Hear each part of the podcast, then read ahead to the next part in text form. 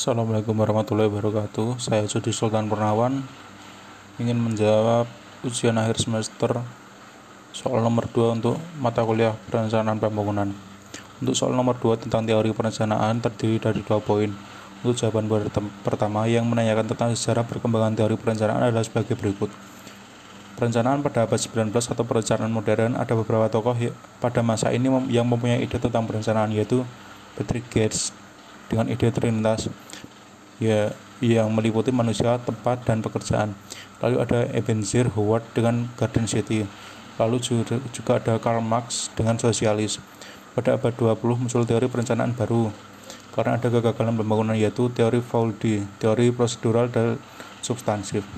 Pada pertengahan abad 20 muncul teori tentang perilaku, lingkungan fisik dan mendasari teori sistem dan perilaku.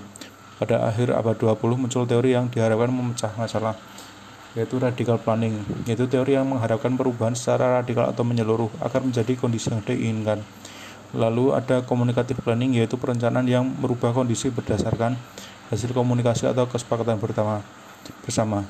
Lalu ada teori menurut John Friedman yang terdiri atas planning as policy analysis, planning as social learning, planning as social reform, dan planning as social mobilization. Lalu apakah teori yang cocok diterapkan di Indonesia? Menurut saya untuk zaman sekarang ini dengan teori perencanaan partisipatif karena pada teori ini melibatkan masyarakat secara langsung dalam proses pengambilan keputusan terkait urusan publik.